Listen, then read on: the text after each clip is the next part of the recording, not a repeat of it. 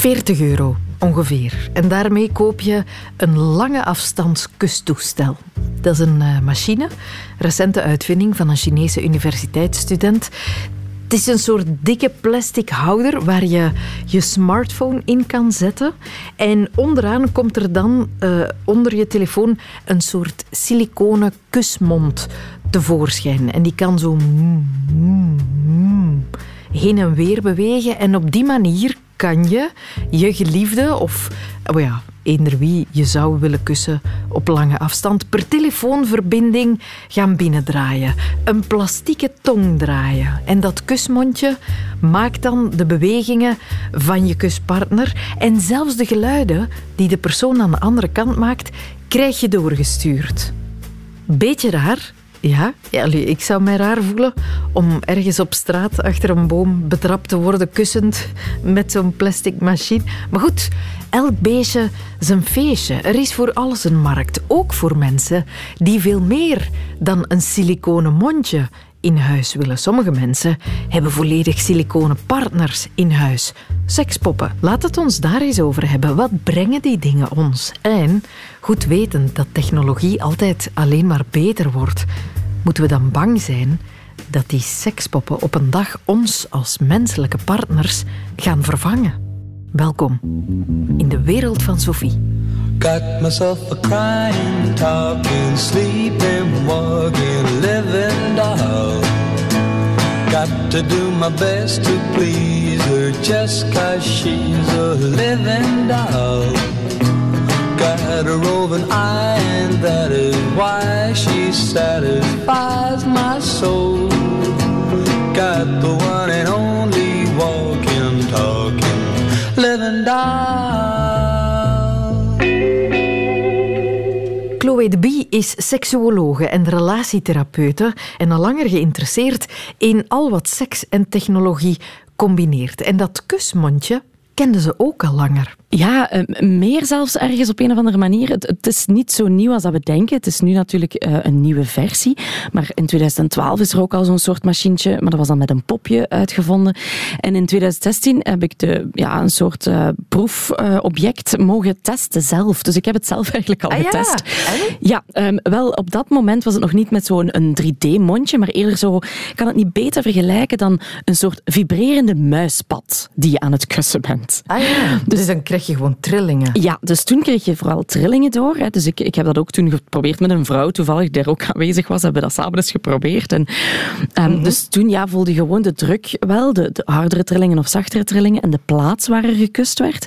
Nu bij het nieuwere, de nieuwere versie als het ware, heb je natuurlijk die 3D-mond en zou het ook warmte um, overstralen. Want natuurlijk, een muispad is gewoon kil en koud. Hè? Ja, ja. inderdaad. Iets kil en koud dat trilt, dat evenaart de echte kus niet. Zou dit nieuwe ding wel iets kunnen zeggen? Ik, ik weet het niet. Ik denk dat we, we blijven natuurlijk eh, kussen via technologie. Het gaat natuurlijk over dat plastieke ding kussen. Je moet wel heel veel imaginatie hebben om dan echt te in te beelden dat het je partner is. Wat het natuurlijk wel zal doen, is het feit dat je dat wil doen met je partner van op afstand. Ja, mentaal maak je wel al die verbinding. Dus ik vind het vooral een heel leuke gadget om toch eens goed te lachen met je partner op afstand. Je zou er inderdaad dat soort entertainment mhm. uit kunnen halen. Maar de pret van een echte kus zal niet te evenaren zijn. Nee, weet je, bij een echte kus, iedereen die al een beetje gekust heeft, die weet, daar, daar komt ook speeksel bij kijken. En misschien als we daar zo over nadenken, klinkt dat niet zo sexy, maar ergens kan dat heel sexy zijn. Je hebt de geur, hè, je, je partner dichtbij kunnen ruiken. Ze proberen wel een beetje door die smartphone daar te zetten, de partner dichtbij te halen. Maar dat is toch nog net niet hetzelfde. Je handen, bedoel, je hebt een toestelletje vast in plaats van een persoon voor jou. Mhm. Dus de beleving zal helemaal nog niet hetzelfde zijn. Maar het is wel een voorbode voor wat de technologie ons nog allemaal gaat brengen. Hè? Ja, ja, maar ook tijdens het kussen, biologisch breng je mhm. van alles over. Dat brengt dingen in je teweeg ja, klopt. die een siliconen kusmond nog niet, gaat niet zal kunnen brengen. Nee, klopt. Het is een van de vele mhm. technologische snufjes die onze intieme wereld uh, komen induiken, ging ik zeggen, maar dat is misschien wat plastisch. prima, prima. Je hebt de populariteit van de luchtdrukvibrators. Ja, Sommige kan je op afstand bedienen. Mhm. Er zijn kussens die je terugknuffelen. Je kan ja seks hebben in virtual reality of Allemaal porno mogelijk. kijken. Ja, het wordt ook al maar meer aanvaard, zo lijkt het. Ja, dat is hoe technologie natuurlijk werkt. Als we kijken naar gelijk welke uitvinding van technologie, is men er in het begin altijd wat ja, weer barstig tegen. Hè, van wat is dit nu weer? Denk maar aan het ontstaan van de computer. Hè, een hele ruimte vol, waar iedereen van dacht, wat is dit nu voor een machine? Wat zijn we daarmee? Hè? Mhm. Nu, ja, vroeg of laat, ondertussen, iedereen heeft bijna een computer. Hè. Je kan bijna niet meer zonder. Dus het is al een veel aanvaardbare stukje. Vibratoren, net hetzelfde. In het begin was dat waarschijnlijk een beetje een rariteit. Dat werd gebruikt om hysterische vrouwen te genezen.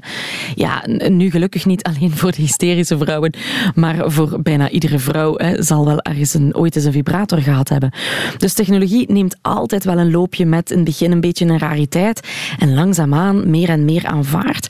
Zeker wanneer ook de zogenaamde um, Amerikaanse wereldsterren zich daar ook mee beginnen te bemoeien. Ah, ja. Dan krijg je, je, je de laatste tijd, ik weet niet wat het is, maar hoeveel van die Amerikaanse sterren die niet een eigen seksspeeltje hebben uitgevonden. Het, het, het, ja, Miley Cyrus denk ik onder andere ook. Ah, ja? De, ja, dus heel veel mensen verbinden zich ook met die, die technologie. En natuurlijk, ja, wij, de mens, kijkt daar naar op, kijkt daar naar en het wordt iets gewoner. Hè. Je krijgt natuurlijk met die technische speeltjes niet de real deal. Het feit dat we ermee aan de slag gaan wijst wel op een zekere behoefte. Ja, ehm, dat gaat vooral over. Eh, we zien uit onderzoek dat mensen die seksspeeltjes gebruiken, of dat met veel technologie is of niet, dat dat vaak vanuit een positief gedachtegoed is. Dus vanuit het voelt goed, ook in een relatie, ik voel mij heel prettig en ik wil samen met mijn partner of ook alleen, wil ik gewoon nog meer dingen experimenteren, ontdekken. Dus een positieve uh, intentie. Niet zozeer dat we denken vaak, ja, doen mensen dat niet vanwege een tekort? Dat blijkt dus niet ondersteund te zijn, mm-hmm. echt vanuit verlangen. Um, en natuurlijk, ja, het cru te zeggen, technologie bestaat om het ons makkelijker te maken, om het leven hè, sneller en efficiënter te maken. En technologie bij seksualiteit, net hetzelfde. Een satisfier of een, of een luchtdrukvibrator, die zal een vrouw nu eenmaal sneller doen klaarkomen dan dat een partner of zijzelf dat waarschijnlijk kan. Ja. Dus technologie past helemaal binnen onze individualistische en snelle wereld. Het moet snel, efficiënt en nu als ik het wil kunnen. Ja, gaat ook alleen maar beter worden. Mm-hmm. Op den duur gaan we dan misschien de technologie verkiezen boven de vaste partner of een andere partner. Ja, wie, wie weet. Ik denk niet dat wij het nog zullen meemaken, Sophie, maar je weet nooit. Um, waar ik wel echt van overtuigd ben, hè, zeker de technologie gaat alsmaar verder, hè, ook de seksrobots gaan alsmaar verder. En waar ik wel echt in geloof, is dat op den duur de technologie beter zal kunnen afstemmen in wat de mens nodig heeft. Stel je voor, je bent met een, een robot, of maakt zelfs niet uit, technologie aan het vrijen, dat die, dat die technologie weet, oké, okay, haar hartslag versnelt, nu moet ik wat doorgaan. Oei, ik voel, ik zie een pijnprikkel in dat brein, ja, ik moet een beetje minderen. Dus dat die nog extremer zal afgestemd zijn op onze noden. Dus we zouden kunnen denken, allemaal aan de technologie. Um, maar ik geloof ook wel, als, als, vanuit mijn psychologie en vanuit hè, mijn, mijn relatietherapiestukje, ik geloof ook wel dat technologie nooit de mens volledig zal kunnen vervangen.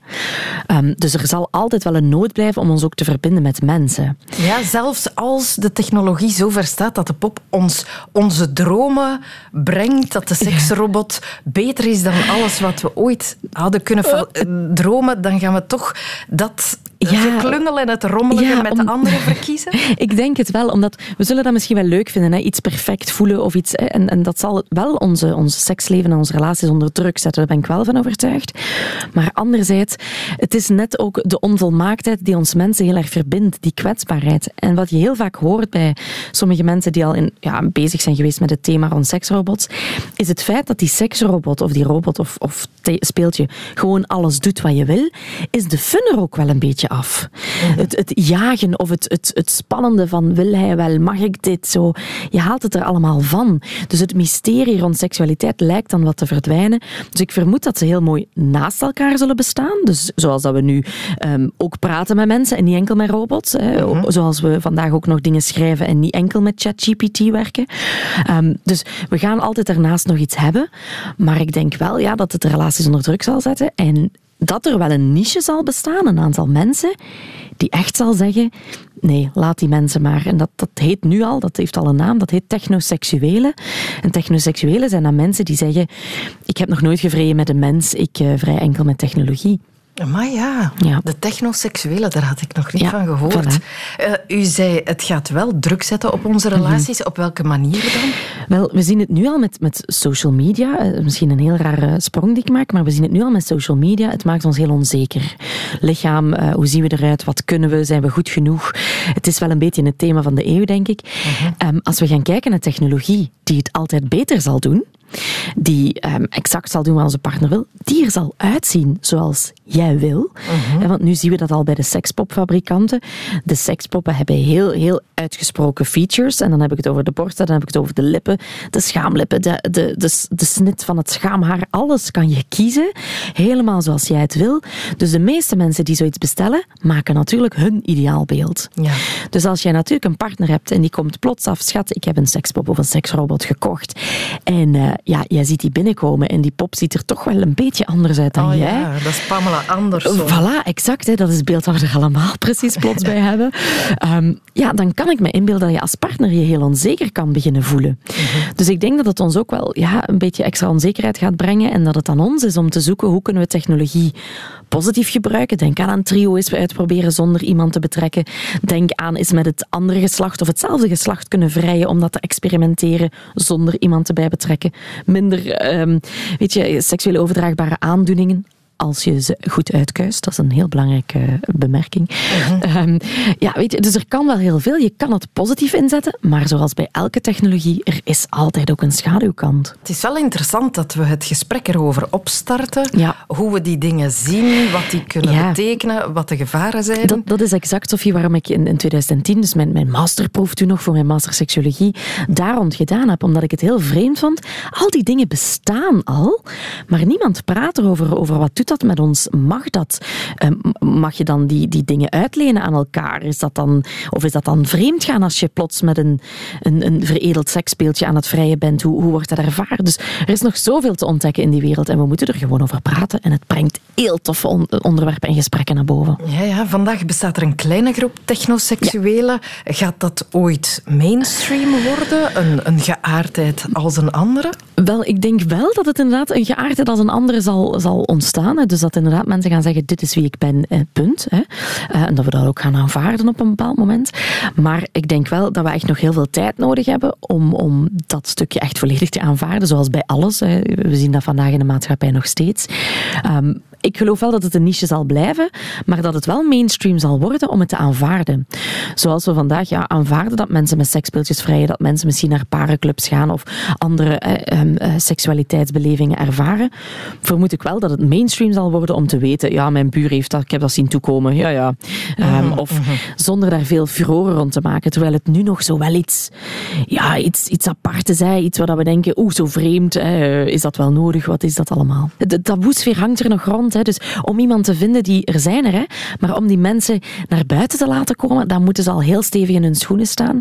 Ehm, in Amerika is er wel bijvoorbeeld iemand die getrouwd is met een sekspop, die daar heel Dave Cat heet, en die daar heel open over is. En die, um, maar dat is natuurlijk in Amerika, dat is toch nog net wat anders dan bij ons. In Kazachstan is er ook zo'n man, Yuri Tolosko, zo heet hij. Een bodybuilder, zeer stevige struizen, behaarde man, eind de dertig zo ongeveer. En die leeft samen met twee sekspoppen, Luna en Lola. En hij communiceert daar heel open over op zijn Instagram-pagina. Kan je hem zien eten met Lola? Of hij filmt zich terwijl hij ruzie maakt met Luna? Want dat gebeurt dan blijkbaar ook. Wij dachten, als die mensen zo open zijn, dan vinden wij hier in eigen land vast ook wel iemand die hierover wil getuigen, over zijn leven met een pop. En ik, ik zeg heel bewust zijn leven, want poppenbezitters en gebruikers zijn hoofdzakelijk mannen. Ook wanneer mannelijke sekspoppen gekocht worden, gebeurt dat hoofdzakelijk door mannen. Vandaar de woordkeuze. Maar dus, wij aan het zoeken en dat bleek nu toch niet zo simpel te zijn, hè Babette? Nee, dat valt echt op. Ik dacht toen we eraan begonnen van ja, er is geen enkel taboe meer. Uh, zeker niet in het vrijgevochten Vlaanderen, dus dat zal wel meevallen. Maar als het dan op sekspoppen aankomt, ja, dan blijkt dat toch wel ineens het geval. En eigenlijk is dat gek, want we hebben wel redenen om aan te nemen dat er ook hier in Vlaanderen een heel actieve community van sekspopgebruikers is. Jawel, want ik ben gaan kijken op eh, TDF, dat is de Doll Forum, en dat is eigenlijk ja, het grootste forum wereldwijd voor liefhebbers van sekspoppen. En als je daar eenvoudigweg gewoon op Belgium zoekt, dan krijg je massaal veel hits. En dat gaat meestal over My Robot Doll. En dat is een winkel hier in Brussel die sekspoppen over heel de wereld verzendt en er zelf mhm. ook maakt. En ik dacht, ja, dat is een goed vertrekpunt natuurlijk. Ik ben eens op hun website gaan kijken. Dat is op zich een heel boeiende plek, moet ik wel zeggen. Want je krijgt daar meteen een heel goed beeld van wat een sekspop anno 2023 allemaal kan betekenen. Ja, ja, want je hebt zo het beeld van zo de zeer cheap, ja, waar, zo het materiaal waarin je ook zwembadspeelgoed en zo kan krijgen. Ja, inderdaad. Dat? Je denkt daar meteen aan, maar als je dan op die website gaat kijken, dan zie je dat aanbod is gigantisch en het varieert dus ook wel enorm in prijs. Je hebt nog altijd die zwembadachtige dolls uh, die bestaan en dat kost eigenlijk bijna niet. Maar dan heb je ook de fast delivery dolls. Dat zijn al de eerder echte poppen die klaar zijn voor verzending. Daar kan je dus zelf niks meer aan aanpassen. Die heb je vanaf een 500 dollar. Alles is altijd uitgedrukt in dollar, omdat ze blijkbaar veel naar Amerika uh, verschepen. En opvallend daaraan is, al die poppen poseren alsof ze voor een soort van modeshoot bezig zijn. Die staan daar dus niet echt vulgair of zo op, niet, niet volledig naakt ook. Die zijn meestal gekleed. Hebben ook allemaal een naam en dan kan je op die pop klikken en dan zie je allemaal specificaties, lengte, gewicht, taille, borstomtrek. Je kan ook zien of ze echt haar hebben of een pruik uh, bijvoorbeeld of ze elders lichaamshaar hebben. Ik was even in de war, echt haar. Ik dacht, maar die leven toch niet? Nee, maar, ja, dus- mensenhaar. ja, mensenhaar, dat is wow. ingepakt planten. Dus je, net als bij, men, bij mensen kan je ook een pop haarimplantaten geven. Al die dingen kan je dan gaan bekijken en dan kijken of daar iets tussen staat. En dan heb je natuurlijk ook nog een van de belangrijkere dingen voor de liefhebber, het kopje Her Love. Daar staat dan onder wat bepaalde dieptes zijn. De orale diepte van de pop, de vaginale diepte, de anale diepte. Dan kan je daar ook een keuze in maken om te kijken of het allemaal uh, ja, zal passen, zeker. Ja, ja. En, hoe, en hoe heette die dan bijvoorbeeld? Uh, die heette Alexandra, Melissa, uh, Rihanna heb ik ook gevonden, maar die leek niet op de popster Rihanna. Ah, ja, ik weet ook niet of Rihanna zich daar bewust van is dat er hier ergens een pop te koop is uh, met haar naam. En dus ja, dat zijn die poppen die klaar zijn voor verzending. Dat is vanaf een 500 dollar. Dan kan je ook nog, zoals wanneer je een auto gaat kopen, een bestaande pop een beetje modificeren. en dan kan je dus zelf een aantal van die opties kiezen en zeggen van ja, ik heb toch liever een bepaalde andere diepte of borstomtrek. Of ik wil net wel echt mensenhaar of misschien zelfs een beetje okselhaar. Kan je allemaal dan gaan kiezen. Dat kost dan een 2000 euro. À la carte samengesteld. À la carte samengesteld. Ehm, maar als dat nog niet genoeg is voor je, dan kan je ook gaan voor Create Your Own Doll.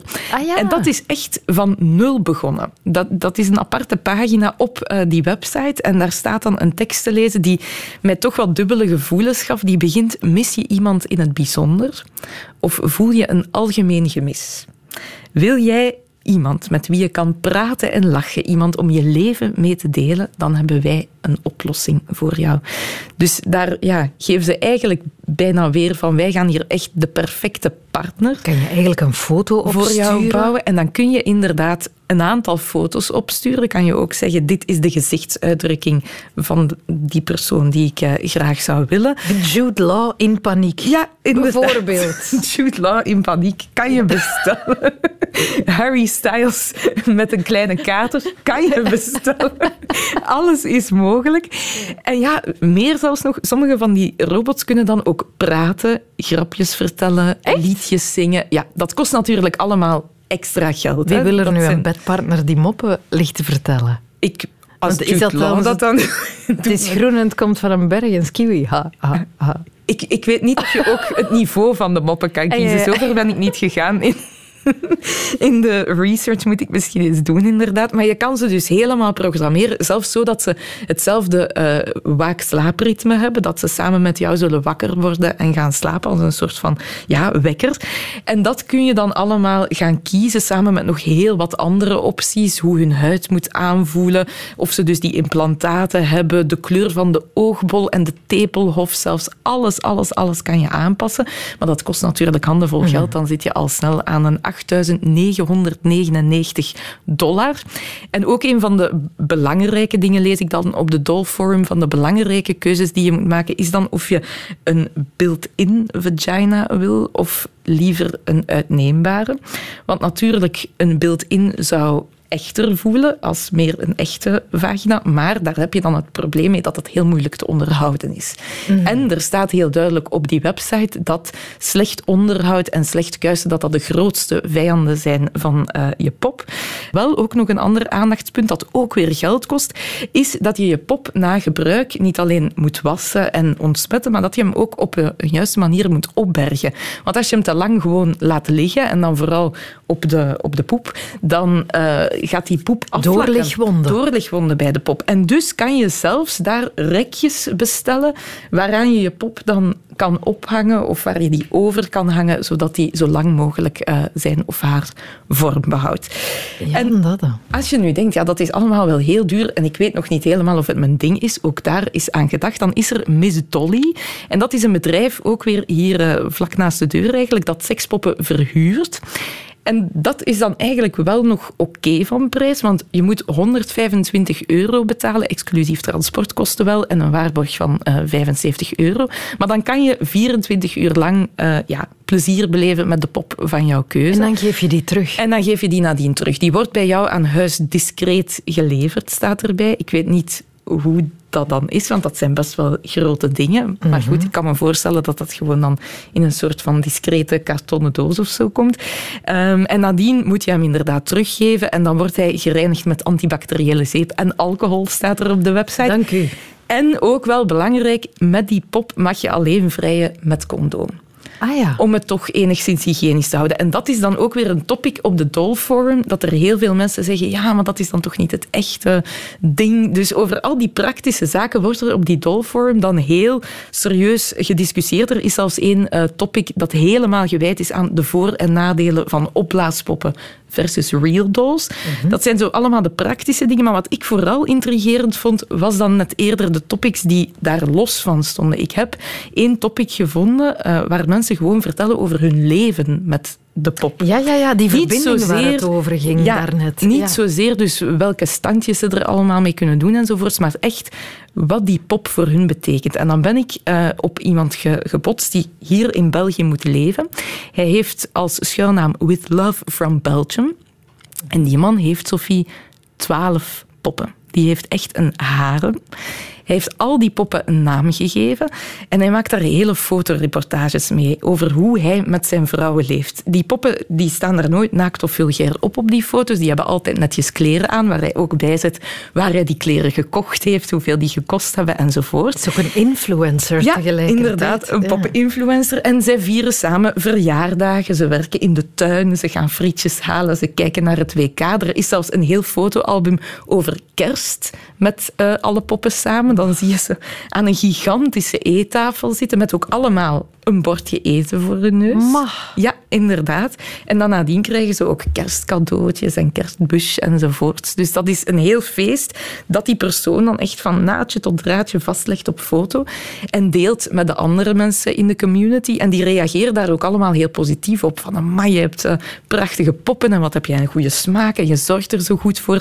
En op een bepaald moment schrijft hij daar dan ook bij, ze hebben mij al zoveel liefde gegeven. Oh. Ik doe heel graag iets terug voor hen. Oh. Ja, dat is aandoenlijk. En ik vind dat ook heel intrigerend. Dus ik dacht, ik wil met die With Love from Belgium eens praten. Mhm. Dus ik dacht, kom, ik ga zelf een account aanmaken op de Doll Forum. En dan ga ik proberen With Love from Belgium te bereiken. Maar dat is dus helemaal niet zo eenvoudig. Want de Doll Forum beschermt zijn gebruikers heel hard. Dus ze hebben al een regel dat je niet meteen een DM kan sturen naar iemand, een, een direct bericht, als je niet lang genoeg actief bent op het forum. Ja, ja, ja. En ze monitoren dus ook wat je daarop schrijft. Dus ik eigenlijk, had eigenlijk... Wij zijn daar niet welkom. Nee, Dat- wij zijn ja. daar absoluut niet welkom. Tenzij ik weken geleden mij was beginnen voordoen als een of andere poppa-affacinado. Maar En zo dan- zitten we dan ook weer niet in elkaar. zo zitten we niet in elkaar. Ik wou eerlijk zijn. Dus ik dacht, ik schrijf die man, die duidelijk van België is, en ook Vlaams, dat zie ik aan de taalfoutjes die hij maakt in het Engels, dacht ik, ik schrijf gewoon een Nederlandstalig bericht en ik zie wel wat er gebeurt. Dat bericht is bij hem nooit aangekomen. Dat moet dan eerst goedgekeurd worden door een administrator, die die heeft gezien, hm, dat stinkt hier. Die heeft mij dan teruggestuurd, kan je dat bericht vertalen? Dat heb ik dan gedaan. En dan kreeg ik tegen mijn voeten van, hallo, jij bent journalist, jij hebt hier helemaal niks te zoeken. Jij mag dit bericht niet naar With Love from Belgium sturen. En dus ik ik sta met mijn rug tegen de muur, want ik kan hem gewoon niet bereiken. terwijl ik soms denk, misschien wil die man daar wel graag eens over praten. Dus ja, dat hadden we nu zo graag gedaan. Met iemand gesproken over effectief de band die je aangaat met zo'n pop. Want het, moet, het is duidelijk veel meer dan gewoon een verzetje, een drang, een lust. Ja, absoluut. En ik dacht, bon, hij heeft er twaalf gekocht. Misschien is er ergens in België een leverancier die al aan hem of aan iemand die ongeveer in zijn situatie zit geleverd heeft. Ook allemaal gebeld krijg je altijd het antwoord: ja, ja, ja, ja, dat zou heel interessant zijn als er eens iemand iets over wou zeggen. Maar dat gaat niet gebeuren. Niemand van onze cliënten wil daar graag over praten. Veel schaamte. Heel veel schaamte, inderdaad. Ook seksuologen zeggen: ik zie dat amper in mijn praktijk. Of zeggen: ik zie dat wel in mijn praktijk. Maar de mensen die dat mhm. doen, die zijn helemaal niet klaar om daarover te praten. Valt te begrijpen. Dus dat is inderdaad allemaal te begrijpen, maar het is wel fascinerend. Dus ergens hoop ik dat With Love from Belgium nu aan het luisteren is. Of, en dat hij denkt, een bevriende ja, sekspoppenliefhebber. Inderdaad. En dat hij misschien toch denkt, hé, hey, ik heb hier wel iets over te vertellen. Je weet maar nooit, hè? Dat u zich aangesproken voelt. We zijn zeer benieuwd naar wat de ervaringsdeskundige over de pop als partner te vertellen heeft. De wereld van Sophie radio1.be. Als je ons zou willen bereiken. We hebben wel met een verhuurster kunnen spreken. Alexandra Moreels heeft er eentje ter beschikking. Alexandra is zelf sekswerker. Ze geeft erotische massages in haar salon in Bekkenvoort, maakt pornovideo's, heeft een OnlyFans-account en ook één sekspop. Die heet Emma. Ze heeft Emma gekocht met skipak aan, maar tegenwoordig tref je Emma vooral naakt aan en wordt ze verhuurd aan mannen die er seks mee willen hebben. Emma is intussen zo'n twee jaar ja, oud, wou ik bijna zeggen, maar dat is raar. Twee jaar in dienst en zeer populair. Hoe komt dat? Anke van Meer zocht Alexandra en Emma op. Dit is Emma. Zij heeft een uh, mooie B-cup, een BC-cup. Ze is ongeveer een meter uh, eh, 62 groot. Ze is heel tenger, ik denk zelfs maatje 34. Ze is altijd heel lief. Ja, ze kan pruiken dragen, maar nu momenteel heeft ze blonde, felle blonde haren met twee vlechtjes. Ze heeft blauwe ogen. Je kan haar in verschillende posities zetten. Je kan haar anaal nemen, vaginaal en in de mond. Ze heeft een mooi poepje, ze heeft een heel mooi model. Dus uh, dat is ons Emma. We adverteren ze ook en soms zien mensen haar staan met hele mooie professionele foto's. En dan bellen ze en dan zeggen ze: Hey Emma, ik wil met u graag een afspraak maken. En dan zeg ik: um, Sorry meneer, maar Emma is een pop. Oh, is een pop? Oh, nee, nee, nee, laat maar, laat maar. Maar aan de andere kant, mensen die dat weten of die een seksdol uh, kennen, die vinden het heel leuk om Emma een keer te proberen. Dat is vooral een bepaalde fantasie. Die reclameert natuurlijk ook nooit. Nee, die kun je aanhalen in de mond en vaginaal dan nemen. Ja, mensen vinden dat toch iets speciaals. Toch iets, iets, iets nieuws. Zie je, hier heb ik allemaal uh, foto's, professionele foto's van Emma. Emma heeft zelf ook een website, www.dols-sexpoppen.be. En uh, ja, we hebben maar een professionele fotoshoot gedaan met verschillende setjes, verschillende kleren aan. En dat ze ook op vakantie is, uh, in een zeteltje met een hoedje aan. En dan dat ze hier een beetje jou probeert uit te dagen met haar beentjes lichtjes open. Ja, Emma is wel uh, zeer erotisch, al zeg ik het zelf. Ik denk dat we Emma ongeveer een uh, tweetal jaartjes hebben. En we hebben ze aangekocht omdat ja, dat wij sowieso in de seksindustrie zitten. Punt 1 en punt 2 voor corona was dat wel heel goed natuurlijk. Hè? Dus dat was dat wel heel gemakkelijk. En ook omdat we daar sowieso wel vraag achter hadden. Dus we hebben momenteel één pop, maar ze hebben gevraagd achter uh, verschillende poppen. Eentje die dikker is, uh, een, vollere poep, dikkere borsten. Uh, maar die hebben we momenteel niet. Maar we zouden dat misschien toch wel met de tijd gaan uitbreiden, omdat we toch nog veel vraag hebben. Ja. Dus wij vragen voor een uurtje 110 euro, een half uurtje 70 en een vluggertje 50.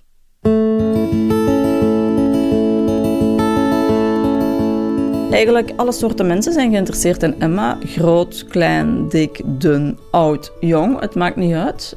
Ik merk wel, als ze binnenkomen, dat ze meestal een kap op hun hoofd hebben en een mondmasker om echt, maar dan echt ook onherkenbaar te blijven. Maar natuurlijk, ja, bij ons is dat niet nodig, want klanten komen naar hier, wij weten voor wat ze komen. En we zijn sowieso discreet. En Emma is zeker discreet. het is zeker discreet. Maar ik zei het, we hebben heel veel vragen. Dus dat is, ja, dat is heel leuk. Dat is zelfs tot onze verbazing van, allee. En ook soms vrouwen of dames die er een, een trio willen mee doen. En dan ja, heb ik ook al gehad dat een vrouw de bevelen kreeg van ah, ik wil dat je Emma oraal verwendt en ik krijg daar een kick van. Dus een bepaalde trio eigenlijk daarmee aangaan. Natuurlijk, een vrouw kan veel meer geven, maar het gaat hem vooral volgens mij dat klanten, of mannen vooral natuurlijk, heel veel verlegen zijn. Dus zijn eigenlijk heel veel verlegen om naar een echte dame toe te stappen. Want bij ons in de massages komen klanten ook en die zeggen eerst dat ik een drempel over was om tot bij jullie te komen, vond ik heel moeilijk. En ja, dat heb je niet zozeer bij een pop. Oké, ja, ze kan de deur niet zelf open doen. Dus wij moeten de klant ontvangen. En dan zijn ze binnen. Ja, en dan kunnen ze weer vertrekken. Maar als ze een uurtje bij ons massage nemen, dan is ze effectief wel een volledig uur bij ons. En dan is er interactie en een gesprek. En dat denk ik dat voor Emma, voor een pop, eigenlijk wel gemakkelijker is. Ja, ze zijn eigenlijk met twee, maar toch is de klant op zich alleen. En dat geeft een beetje minder verlegenheid. En ik denk niet dat het zozeer is dat mannen dan komen voor affectie, want Emma kan niet knuffelen, maar echt zozeer van ja, een probeersel en een fantasie. De vraag van de klanten is, kun je ze verpleegsterkostuumetje aandoen? Kun je ze de haren losdoen? Kun je ze kousen aandoen, jartelletjes aandoen? Dat is dan ook weer de fantasie wat ze misschien niet bij hun eigen vrouw kunnen vragen of durven te vragen. Of vrijgezellen, dan is het al iets moeilijker natuurlijk. Dan vragen ze heel veel doggy-style, vragen ze heel veel. Of gewoon op haar rug met haar benen zo ver open als het maar kan. Ik denk dat wij als dames zelfs zo lenig nog niet zijn. Dus zetten ze toch een verschillende. Dus wij zetten ze soms in een positie en dan komen we terug en dan ligt die helemaal anders. Of ze hebben die gewoon op hun gezet. En ja, dat weegt toch wel al een, ja, het is een licht gewicht, dus een 45, 50 kilo. En wat ik wel merk, dat is dat ze graag een beetje het, het, het ja, de vlechtjes hebben, zo het, meisje-meisje-achtig.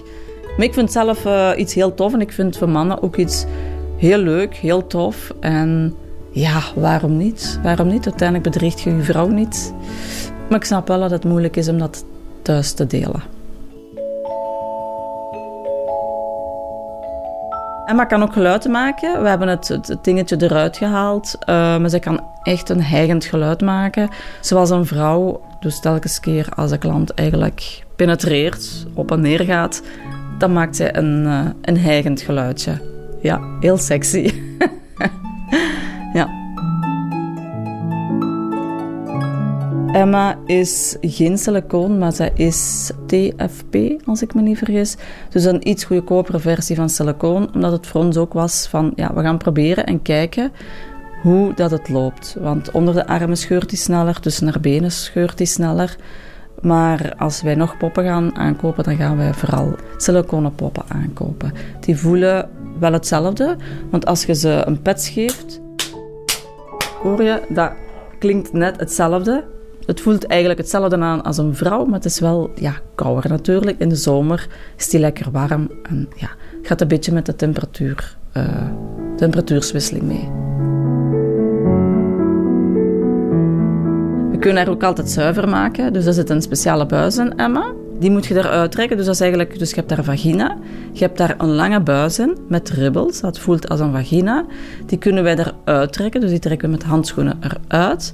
Die kunnen wij omdraaien, dus binnenste buiten trekken, volledig uitspoelen, ontsmetten uiteraard, en dan terug gewoon inbrengen. Ja. Als het anaal is, ligt dat iets moeilijker, maar die kun je wel volledig schoonmaken met een speciale spuit, maken we die dan proper. En uh, dat is juist hetzelfde met de mond. Natuurlijk, dat is wel een heel werk, dat is een hele opgave. Die wordt helemaal ontsmet, die wordt helemaal, allee, eerst gewassen, helemaal ontsmet. En dan, als die volledig droog is, moeten we die in deppen, niet wrijven, maar deppen met talkpoeier. Dat wil zeggen dat dan de huid, zogezegd, heel mooi gaaf blijft.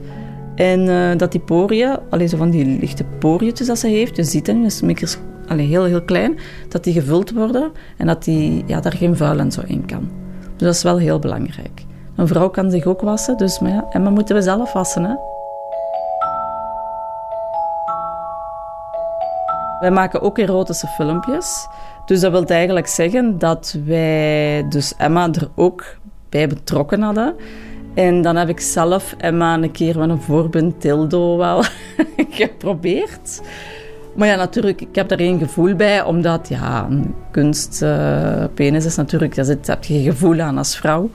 Maar ik kan me wel inbeelden dat mannen dat heel leuk vinden. Ja, sowieso. We zijn eigenlijk ook van plan, uh, we moeten nog een beetje kijken hoe of wat, van hier in de buurt, dat is nergens, een huis vol poppen te zetten. Dus alle kleurtjes, geurtjes, maten, gewichten. Ik vind dat wel heel interessant. Daar wil ik met mijn echtgenoot ons daar toch wel in verdiepen om ja, een huis, eventueel misschien hier in Diest, wie weet, met poppen. Soms vragen ze ook van die op locatie te brengen. Maar ja, het vervoer is niet zo gemakkelijk. Als je dan ergens bij je buur aankomt, dan zien dat je daar precies met een lijk aan het rondsleuren bent. Ja, dan stellen mensen zich wel vragen. Dus op verplaatsing, uh, we hebben liever hier zelf aan huis. Is gemakkelijker en discreter. Maar ja, ik zeg het, uh, we gaan zien wat dat we gaan doen. We zouden graag een heel huis vol hebben met poppen. Maar nu momenteel ben ik bezig nog met de massages in Bekkenvoort met een grote wellness aan. En daar zitten masseuses en met mijn erotische porno-website, waar je ook Emma in terugvindt. En dan met de OnlyFans zijn we ook heel veel bezig. Ja. Maar iedereen is altijd welkom voor Emma. Alexandra verhuurt haar Emma en droomt intussen van een heus poppenhuis. Ik zie het zo voor mij. Opblaaspop, opblaaspop. Ze oogt wat ledig, maar ik vul haar op. Opblaaspop, opblaaspop. Ben tevreden met mijn opblaaspop. Allemaal! Opblaaspop, opblaaspop. Ze ruikt niet zo lekker, maar ze doet haar job. Opblaaspop, opblaaspop. Ben tevreden met mijn opblaaspop. Ben tevreden met mijn opblaaspop.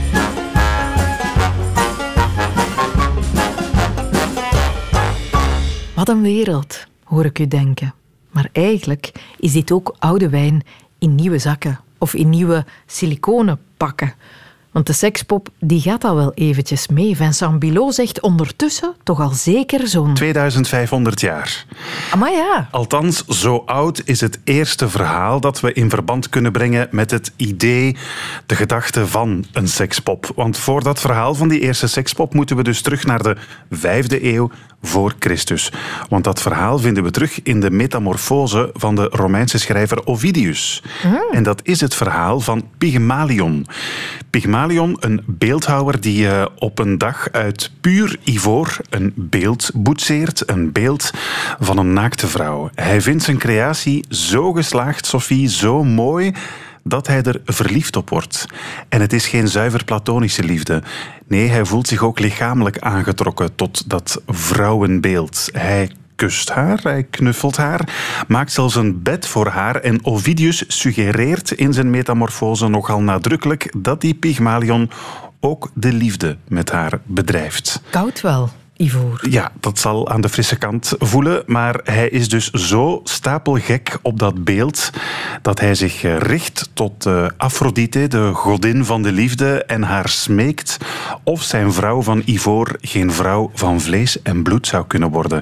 En kijk, als Pygmalion weer thuiskomt en zijn lippen op de lippen van zijn beminde beeld zet, dan voelt hij dat ze warm en zacht zijn. Zijn ivoren vrouw is tot leven gekomen. Mm. Ze trouwen en ze krijgen zelfs een kind. We kunnen dus eigenlijk wel zeggen, Sophie, dat dat standbeeld van Pygmalion zo'n beetje de eerste sekspop in de literatuur is. Ja, toch uh, het idee ervan, zeker. Ja, maar standbeelden waren in de oudheid wel vaker een surrogaat waarop Grieken en Romeinen hun lusten projecteerden en botvierden. Want er zijn verhalen over mannen die de Venus van Milo bekropen, vrouwen die het aanlegden met een gebeeldhouwde Cupido. Maar alleen, ja. die waren wel allemaal, ik heb dat ooit gehoord, ik vond dat een eye-opener, die waren vroeger allemaal, die standbeelden, beschilderd. Hè? Ah ja. Dus wij zien die nu ja, in een soort versleten versie. Maar goed, die zagen er wat echter uit. Wat, wat echter uit en wat aantrekkelijker waarschijnlijk en uitnodigender wellicht ook. Maar dan fast forward voor ons verhaal naar de middeleeuwen, het vervolg van die eh, geschiedenis van de sekspop, meer specifiek de 16e eeuw, niet toevallig de opkomst van de zeevaart. Want zeelui natuurlijk, die worden al eens op de lange omvaart gestuurd. Die zitten soms maandenlang op een schip met alleen maar andere mannen. En daar wordt dus iets op gevonden in die 16e eeuw, de artificiële gezelschapsdame. In het Frans, dame de voyage. Spaanse zeelui noemen het de dama de viaje. Letterlijk een vrouw voor op reis, maar dus geen echte vrouw van vlees en bloed, maar een namaakversie, toen nog gemaakt van geweven stof. Oké. Iets wat je denk ik beter niet doorgeeft aan Nee, jawel, ja. Ik was enkele praktische overwegingen aan Mhm. het maken, maar goed. Via Nederlandse kooplui zijn zulke reisdames, zoals ze dus toen nog genoemd werden, in die eh, 17e, 18e eeuw daarna dan ook in Japan terechtgekomen trouwens. En daar noemen ze een sekspop tot op vandaag nog altijd een Hollandse vrouw. Hunk, waarom? Ja, omdat dus die Hollanders die sekspop daar geïntroduceerd hebben in de 17e, 18e eeuw. en ja, dus zo, ja. zeg je in Japan niet ik zoek een sekspop, maar ik zoek een Hollandse vrouw. Ja. Dat zullen ze leuk vinden. Trouwens, die allereerste ja, sekspoppen die eh, dringen dan een eeuw later zelfs door in het Victoriaanse Engeland. Zou je niet denken, want het is een tijdperk dat bekend staat natuurlijk om zijn preutsheid. Maar Ja, je maar weet ja. hoe dat gaat. Hè? Hoe meer seksualiteit wordt onderdrukt en taboe verklaard, hoe meer mensen hun bevrediging gaan zoeken in de duik. Hè? De lichaamsappen die kruipen waar ze niet gaan kunnen. het laatste decennium van die Victoriaanse tijd, de jaren 1890, die worden ook niet voor niets de naughty 90s genoemd. Dat zo? Ja, en in dat Victoriaanse Engeland waren het niet zozeer zeevaarders die eh, op de lange omvaart eh, gebruik maakten van zo'n sekspop. Nee, daar ging het om al wat luxueuzere varianten, niet langer gemaakt van stof dus, maar al opblaasbaar waren. En ze waren ook specifiek gericht op de betere klasse. Met name op zakenlui die op zakenreis ook al eens moeder de vrouw moesten missen. Met de koets dan. Ja, bijvoorbeeld. Of eh, ja, op die manier toch al wat langer op reis waren. Zeker in die tijd, hè, dat ging nog niet per auto. En hoe weten we dat nu, dat die bestonden, die opblaasbare varianten? Dat weten we uit de pornografische boekjes die in die tijd ook al eh, gretig aftrek vonden. Want daarin werden die poppen dus geadverteerd for the special use of gentlemen on their travels. Yeah. En ze werden ook verkocht onder de Franse naam Femme de Voyage, want dat klonk toen toch ook al wat chiquer. Sterker nog, er werd van die Femme de Voyage ook een compacte versie op de markt gebracht, zodat je ze ongemerkt kon meenemen op reis. Zo compact zelfs dat je ze opgevouwen kon verstoppen onder je hoed. Onder je hoed? Zo werd dat echt geadverteerd ook in die, eh, in die, in die blaadjes. Want nu komt het, die compacte femme de voyage bestond uit, en ik citeer nog steeds de advertentie, only the essential part of the woman. Met andere woorden, die compacte versie was gewoon een opblaasbaar vagijn. En zo is de hoge hoed uitgevonden. Voilà, dat kunnen we bij deze ook alweer reveleren. Maar dus, dat werd ook geadverteerd als the artificial fanny, oftewel de artificiële foef. Tof. Geweldig.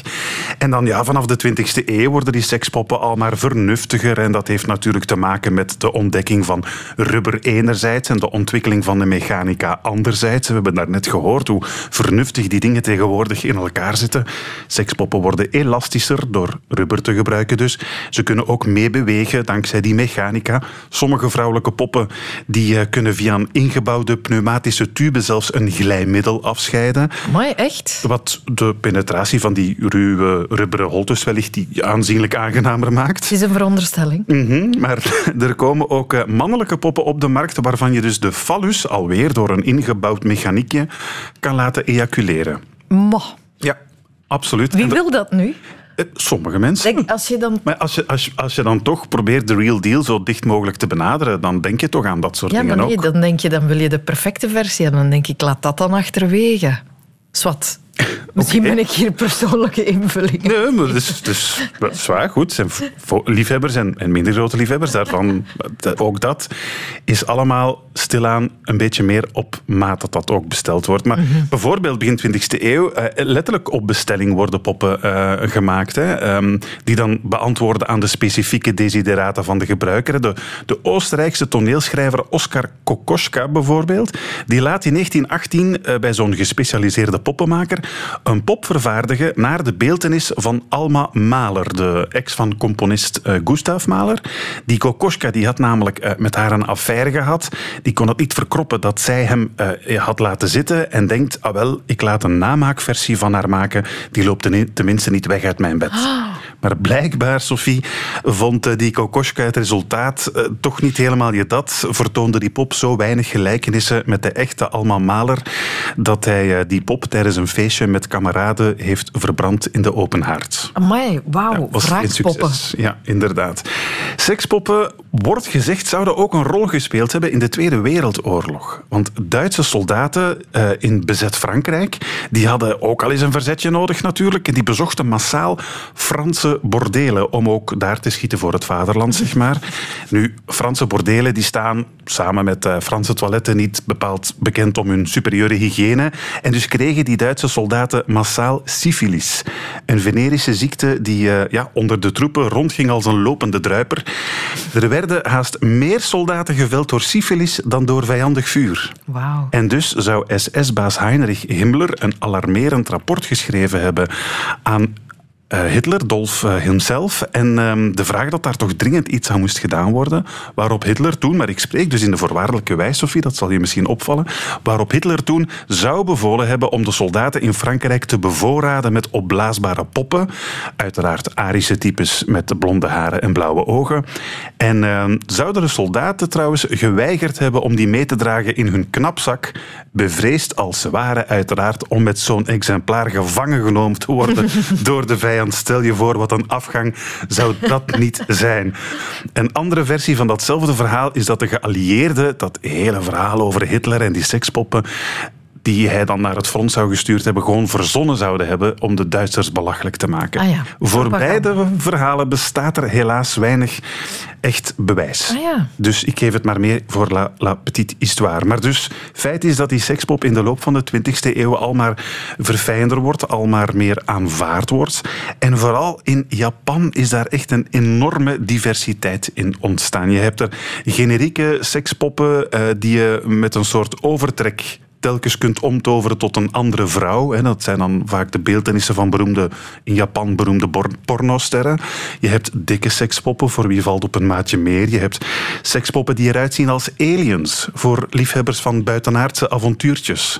Mm-hmm. Er bestaan in Japan zelfs sekspoppen, hou je vast, van schapen en zelfs van koeien. Wat? Ik geef dat gewoon mee voor de volledigheid, hè, Sophie. Wat? Ik zeg nu niet dat je dat ook echt moet gaan googlen en opzoeken en bestellen of zo. Hè. Dat, dat moet niet. Maar ze bestaan. Ze bestaan. Amai. Die, en, en die ejaculeren niet. Nee, wow. Voilà. Er komt zoveel samen in mijn hoofd nu. um, ik vond het zeer interessant. Ja, ik vond dat zelf ook. Maar mijn zoekgeschiedenis nu, ja. dat is iets anders. Ja, ga dat gauw wissen. Met een zoekgeschiedenis kan dat nog. De beelden ja, die gaan nog een paar jaar op je netvlies gebrand staan, vrees ik.